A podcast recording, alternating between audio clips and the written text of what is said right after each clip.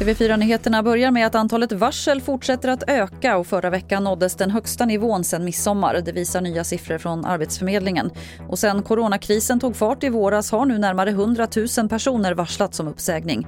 Och det är inom industrin som de flesta varslen kommer nu. Idag väntas Folkhälsomyndigheten komma med riktlinjer för det svenska vaccinprogrammet mot covid-19. Detaljerna är fortfarande okända men runt om i världen råder i princip enighet om att det finns tre samhällsgrupper som ska skyddas först. Det är sjukvårdspersonal så att sjukvårdspersonal inte blir sjuka själva eller kan smitta patienter på olika sätt. Det handlar om riskgrupper och det handlar om äldre. Jag tror att det är en väldigt klok prioritering att börja någonstans med de här grupperna. Det sa Jonas Wikman som är vaccinexpert på LIF. Och klockan 14.30 håller socialminister Lena Hallengren pressträff om det här och den kan man följa på tv4play.se.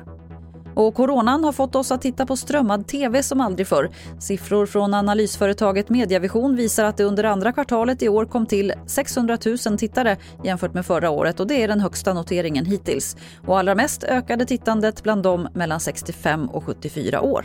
Det var det senaste från TV4 Nyheterna. Jag heter Lotta Wall.